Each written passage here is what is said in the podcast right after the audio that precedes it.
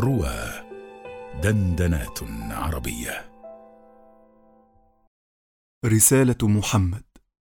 كان الرسول الكريم رسولا لأنه جاء يحمل رسالة وكانت الرسالة بالبداهة موجهة من الخالق سبحانه إلى مخلوقه الإنسان.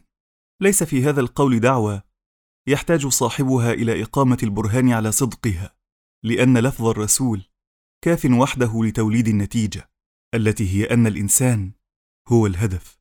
بمعنى أن تكون الحياة الإنسانية نفسها هي مدار الإيمان هي محور العبادة هي مبدأ الأخلاق هي الدنيا وهي كذلك الطريق إلى الآخرة. لكن الحياة الإنسانية التي هي هدف الرسالة لا وسيلة لإقامتها على قوائمها إلا بالإنسان نفسه. وإذا فالإنسان هو الهدف وهو الوسيلة معه إنك تعبد الله حين تعمل على شفاء المريض وتعبد الله حين تعين المتألم على أن ينزاح عنه الألم وتعبد الله حين تزيل الجهالة عن جاهل وتعبد الله حين تكشف للإنسان عن جوهر عقله الصافي بعد أن ترفع عنه حجاب الخرافة والضلال. لقد استوقف نظري فيما قرأت قولان مختلفان لكنهما يلتقيان عند نقطة واحدة فيها من الخصوبة والثراء ما يوحي للفكر المتأمل بمعان كثيرة غزيرة. أما أحد القولين فقد صادفته خلال قراءتي لديوان ابن عربي ترجمان الأشواق الذي تولى فيه ابن عربي بنفسه شرح شعره ليبين مراميه في الرموز التي لجأ إلى استخدامها في ذلك الشعر. وقد أورد في غضون هذا الشرح حديثا للنبي عليه الصلاة والسلام يقول فيه ما ابتلي أحد من الأنبياء بمثل ما ابتليت مشيرا بذلك فيما يقول ابن عربي إلى رجوعه من حالة الرؤية رؤية الحق إلى دنيا الناس ليخاطب فيهم من ضل ليهديه سواء السبيل أي أن رؤية الحق لم تكن هي كل الطريق وإنما يكملها أن يغير الحياة على هذه الأرض بما يجعلها تعلو إلى الكمال الذي رأى. وأما القول الثاني فقد وجدته عند محمد إقبال حينما عودت قراءة كتابه تجديد الفكر الديني في الإسلام إذ وجدته يستهل الفصل الخامس من هذا الكتاب بهذه العبارة صعد محمد النبي العربي إلى السماوات العلى ثم رجع إلى الأرض قسما بربي لو بلغت هذا المقام لما عدت أبدا.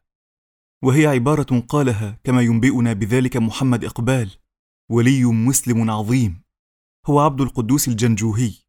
ثم يمضي إقبال بعد ذلك في القول. بأنه من العسير في ظنه أن نجد في الأدب الصوفي كله ما يفصح في عبارة واحدة عن مثل هذا الإدراك العميق للفرق النفسي بين نمطين مختلفين من أنماط الوعي. أما أحدهما فهو النمط الذي تتميز به حالة النبوة وأما الآخر فهو ذلك الذي تتميز به حالة التصوف. ففي الحالة الثانية حالة التصوف نرى المتصوف إذا ما بلغ شهود الحق تمنى ألا يعود إلى دنيا الناس. وحتى إذا هو عاد كما لابد له أن يعود جاءت عودته غير ذات نفع كبير للناس لأنه سينحصر في ذات نفسه منتشيا بما قد شهد. ولا عليه بعد ذلك أن تتغير أوضاع الناس من حوله أو لا تتغير. وأما في حالة النبوة فالأمر على خلاف ذلك. لأن مشاهدة الحق يتلوها رجوع إلى الناس في دنياهم.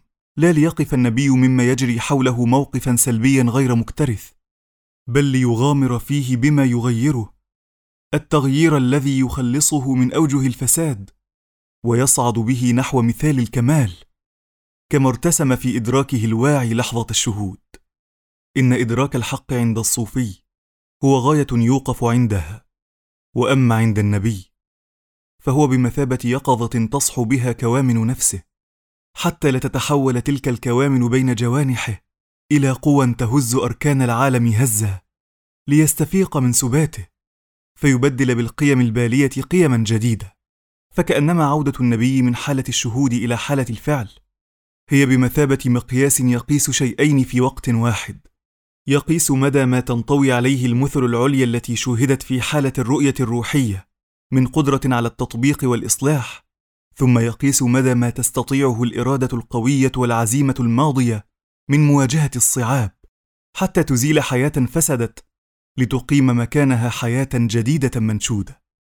بهذا المعنى أحب أن أفهم رسالة الرسول صلى الله عليه وسلم فليس الأمر فيها كلاما جميلا يقال ولا هو هداية إلى غير تطبيق إنما هي رسالة ترسم للحياة الفعلية الحقيقية المجسدة طريقها وماذا يكون طريق الحياة القويمة إذا لم يكن هو نفسه طريق العمل على رفعة الإنسان؟